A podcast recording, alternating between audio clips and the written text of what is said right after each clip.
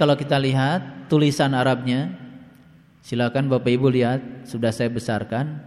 Alhamdulillahi Rabbil alamin itu terpisah.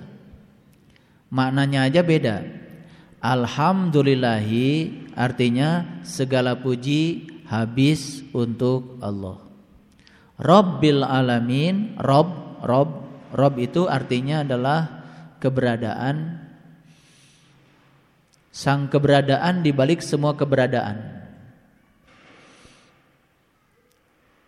Rob itu adalah sering diterjemahkan pemelihara, pengatur Rob itu. Alamin adalah semesta. Kalau kita belajar ilmu tafsir, ini agak tafsir sedikit. Alamin itu dari kata alamat. Alamat itu artinya ciri. Kalau kita kan sering sebutnya alamat. Padahal aslinya itu alamat.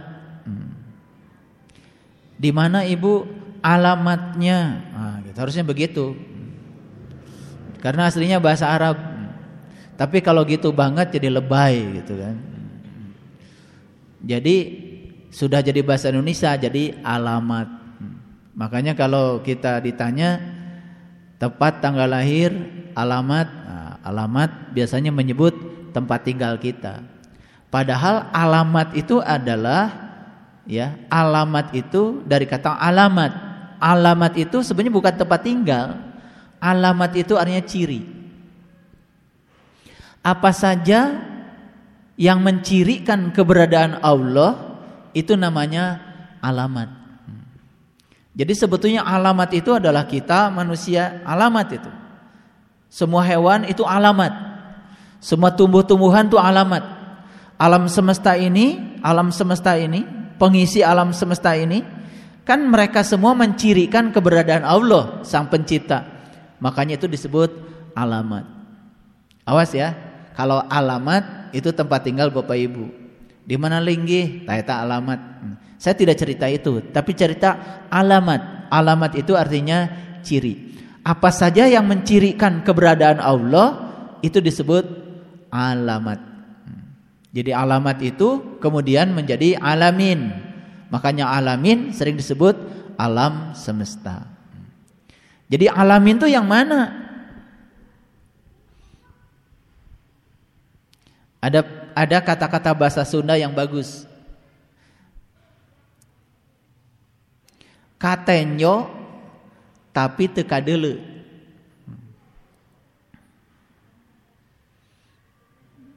Liar kan? Hmm. Katenyo tapi teka dulu. Hmm. Itu bahasa Sunda. Itu asli bahasa Sunda. Itu bahasa tauhidnya leluhur kita. Katenyo tapi teka dulu. Saya tanya sekarang. Saya ini manusia. Saya ini ada atau maha ada? Ada. Kelihatan sekarang sama Bapak Ibu? Kelihatan. Kalau Allah ada atau maha ada? Maha ada. Yang ada aja kelihatan. Masa yang maha ada nggak kelihatan? Yang ada saja kelihatan. Masa yang maha ada nggak kelihatan? Makanya saya menyampaikan selamat kepada orang-orang yang sudah bisa melihat Allah di mana-mana. Katenyo tapi teka dulu. Kalau Bapak Ibu lihat saya sekarang, lihat saya sekarang. Katenyo Katanya itu bahasa Indonesianya kelihatan. Tapi bahasa Indonesia itu miskin. Kalau diterjemahkan katenyo tapi teka dele, bahasa Indonesia-nya apa? Kelihatan tapi nggak kelihatan tuh karena bahasa Indonesia miskin. Bahasa Sunda lebih kaya lagi. Katenyo tapi teka dele, coba.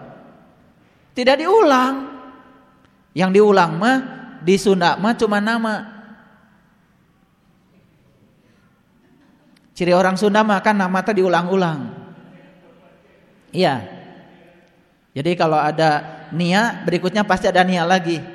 Nia, da, nia, ti itu diulang. Sok ibu-ibu bapak juga dari ulang-ulang namina. Talamun diulang-ulang ngarana pasti eta mah orang orang Sunda.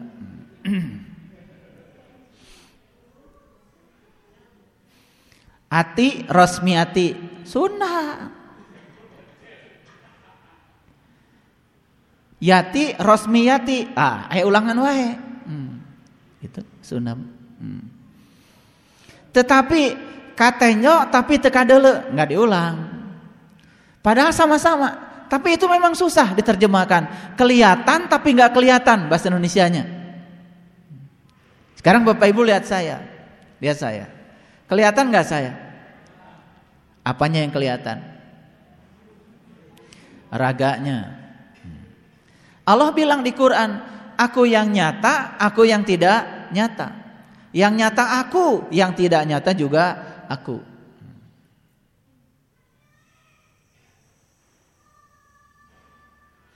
Di balik yang nyata ini ada nggak yang tidak nyata?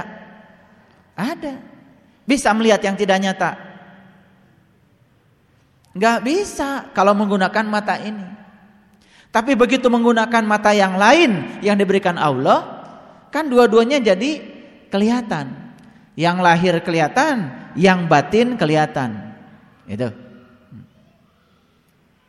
Baru ya. Katanya tapi teka dulu itu artinya ada tapi tidak ada. Tidak ada tapi ada. Ngerti? Ada tapi tidak ada, tidak ada tapi ada. Makanya beruntung orang-orang yang sudah bisa melihat Allah di mana-mana. Kenapa? Loh.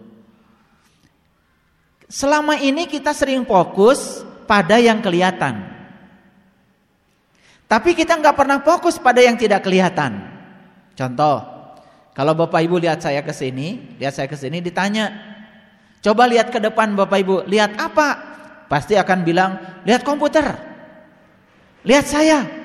Lihat mimbar. Padahal ini ini yang kosong, yang nggak terisi lebih besar mana? Kan lebih besar yang kosong. Sekarang lihat pesawat, lihat ke atas. Begitu ke atas, lihat pesawat.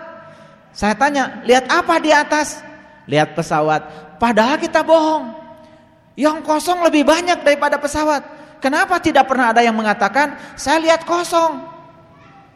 Ada nggak yang kayak gitu? Ada. Kalian kan? Udah mulai ke sana.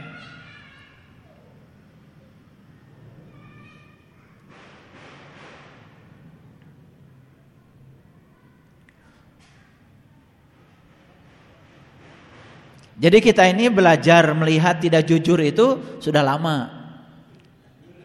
Betul nggak? Melihat tidak jujur sudah lama. Biasanya kalau orang yang jujur, yang dinyatakan itu biasanya yang kelihatan lebih besar. Betul nggak? Sekarang lihat. Bapak Ibu ini apa? Jari. Benar? Jari. Di jari-jari saya ada amoeba enggak? Ada bakteri enggak? Kenapa enggak bilang itu? Karena jari saya lebih dominan daripada amoeba dan bakteri. Makanya yang disebutkan itu yang dominan. Agak jujur kalau bilang jari-jari. Padahal sebetulnya Bapak Ibu ketika saya tunjukkan jari-jari, gede mana jari-jari dengan ruang kosong di sekitar jari-jari? Nah, gak jujur kan? Gak jujur kan? Harusnya bukan begitu. Saya lihat rok, ruang kosong pak. Di tengahnya ada jari-jari. Nah gitu mestinya ngomongnya. Itu baru jujur. Karena kita ngomong gak jujur itu memang sudah biasa. Coba kalau disuruh lihat ke atas. Lihat apa? Lihat burung. Pala burung itu kecil sekali. Ruang kosongnya itu lebih besar. Harusnya ngomongnya saya lihat ruang kosong, di tengahnya ada burung. Nah gitu. Hmm. Memangnya Allah ruang kosong? Bukan. Kan ruang kosong yang kelihatan itu cahaya. Cahaya itu bukan Allah. Di balik cahaya itulah dia. Kan saya lihatnya angin, Pak. Emang angin kelihatan? Angin nggak kelihatan, tapi kamu Satu-satunya bahasa universal itu kan wangi. Makanya kalau Rasul, para guru-guru suci, para nabi kan senangnya itu adalah wangi. Karena wangi itu bahasa universal. Kenapa wangi disebut bahasa universal? Karena wangi itu tidak kelihatan, tidak bisa dirasa, tidak bisa diraba, tapi ada. Allah tidak bisa diraba, tidak bisa dirasa, tapi kelihatan. Oh, tidak bisa kelihatan oleh mata kita, kelihatan tentu saja dengan mata mata batin. Memangnya Allah sama dengan kentut? Hmm. Kan yang nggak kelihatan, yang nggak bisa diraba, tapi ada, ada nggak kentut? Ada. Buktinya apa? Wangi. Betul. Jadi justru kentut itu tinggal di dalam dia. Apa yang tidak tinggal dalam dia? Kalau kita benci dengan patung arca, cenah arca itu musyrik, ada nggak di semesta ini benda yang tidak diliputi oleh dia?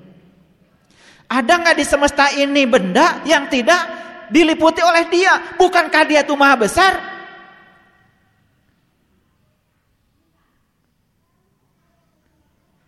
Kalau dia maha besar, benda-benda yang di semesta ini kan kecil-kecil. Pasti semua yang kecil sekalipun patung arca kan diliputi oleh dia. Jadi yang mana yang bukan dia? Makanya kalimat pertama orang belajar tauhid adalah la ilaha illallah. Apa artinya? Tidak ada Tuhan selain Allah. Sok atuh direnungkan kata-kata itu. Tidak ada Tuhan selain Allah. Apa maknanya? Ayo, apa maknanya? Taeta orang munda maca wungkul. Dititah maca la ilaha illallah langsung aja maca. Kernaon Bapak Ibu nuju wiridan. Kernaon Bapak Ibu masih mending yang jawabnya wiridan. Saya sedang zikir taeta anu Nyebut-nyebut nama Tuhan tapi mengklaim zikir padahal zikir itu artinya ingat. Da ingat pada kudu ayah suarana. Biar pusing sekalian belajar.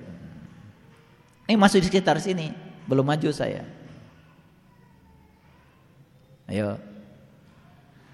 La ilaha illallah. Artinya apa? Tiada Tuhan selain Allah. Di alam semesta ini ada matahari, ada, ada bumi, ada, ada bintang, ada, ada pohon, ada, ada manusia, ada, kalau kalimat la ilaha illallah diterapkan sekarang kan nggak cocok. Kan ada yang lain.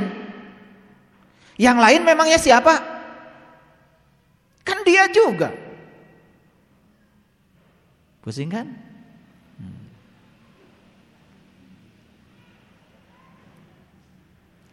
La ilaha illallah mah baheula. Sebelum alam semesta ini diciptakan Allah, satu-satunya yang ada adalah Dia yang mengisi, mengisi kekosongan saat itu. Paham? Ulangi lagi. Sebelum alam semesta ini dibuat, saat itu yang ada cuma Dia satu-satunya. Alam semesta ini kosong, ya kosong tapi Dia yang mengisi kekosongan itu sendiri. Dia satu-satunya. La ilaha ilallah.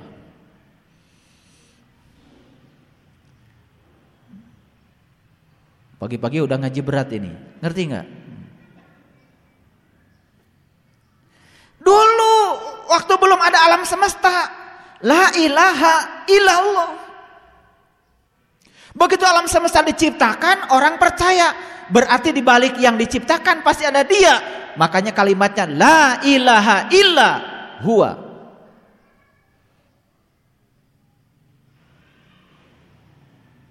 Paham? Kan alam semesta ini disebutnya alamat. Alamat itu artinya ciri, ciri keberadaan dia. Setelah alam semesta diciptakan, bukan la ilaha illallah lagi. Pasti di balik alam semesta ini ada yang menciptakannya. Siapa yang menciptakan? Dia. Nah, nyebutnya dia kan belum kenal. Kalau belum kenal masih apa itu? Dia. Dia mah belum kenal. Makanya la ilaha illa huwa. Itu kalimat ada setelah alam semesta ini diciptakan. Setelah membuka rahasia segala ciptaan Allah, termasuk tubuh manusia sebagai penyingkap rahasia ketuhanan, manusia mulai bisa menggunakan tubuhnya sebagai kendaraan. Untuk siapa? Mengenal Allah. Begitu manusia bertemu dengan Allah, lalu kalimat tauhidnya la ilaha illa anta. Tidak ada Tuhan kecuali Engkau. Untuk siapa? Untuk yang sudah ketemu. Enak aja. Syekh Abdul Qadir Zailani ya. Lagi sholat tiba-tiba secara otomatis lidahnya mengucapkan la ilaha illa huwa la ilaha illa huwa dan berikutnya diganti la ilaha illa anta orang mengapalkan wungkul. Makanya terlalu banyak di semesta ini orang yang berbicara Tuhan. Sedikit orang yang berbicara kepada Tuhan. Ngerti? Oh, lamun geus nerangkeun Gusti Allah.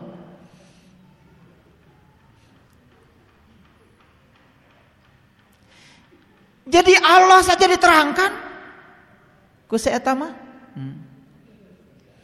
Bagaimana mungkin pikiran manusia yang terbatas mau menjelaskan dia yang tanpa batas? Kalau Allah diterangkan, yang diterangkan pasti bukan Allah. Yang diterangkan adalah persepsi dia, pendapat dia tentang Allah. Allah bukan. Bukan. Jika mah. Tah, nu cenah dicenahkeun deui, nu beja dibejakeun deui. Ini yang bikin rusak tauhid. Makanya kan banyak itu pengajian naon, pengajian tauhid, naon eusina, ngabahas Allah. Uh, wanian. Hmm. Allah aja dibahas sama dia mah. Padahal di Quran dikatakan, di Quran dikatakan, di Quran dikatakan, janganlah kamu mengatakan halmu kepada seorang jua pun. Kalau di Injil dikatakan lebih tajam lagi, janganlah kamu mengatakan sesuatu pun kepada siapa pun kecuali kepada anak manusia yang sudah sama-sama dibangkitkan dari kesadarannya.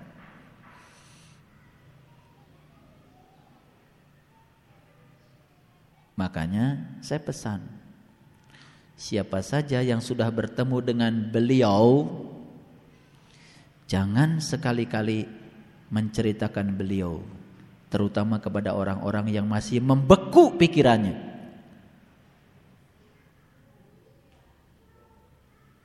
Kecuali berbagi pengalaman dengan yang sudah sama-sama merasakan Itu pun pada akhirnya tidak bisa dikatakan lagi.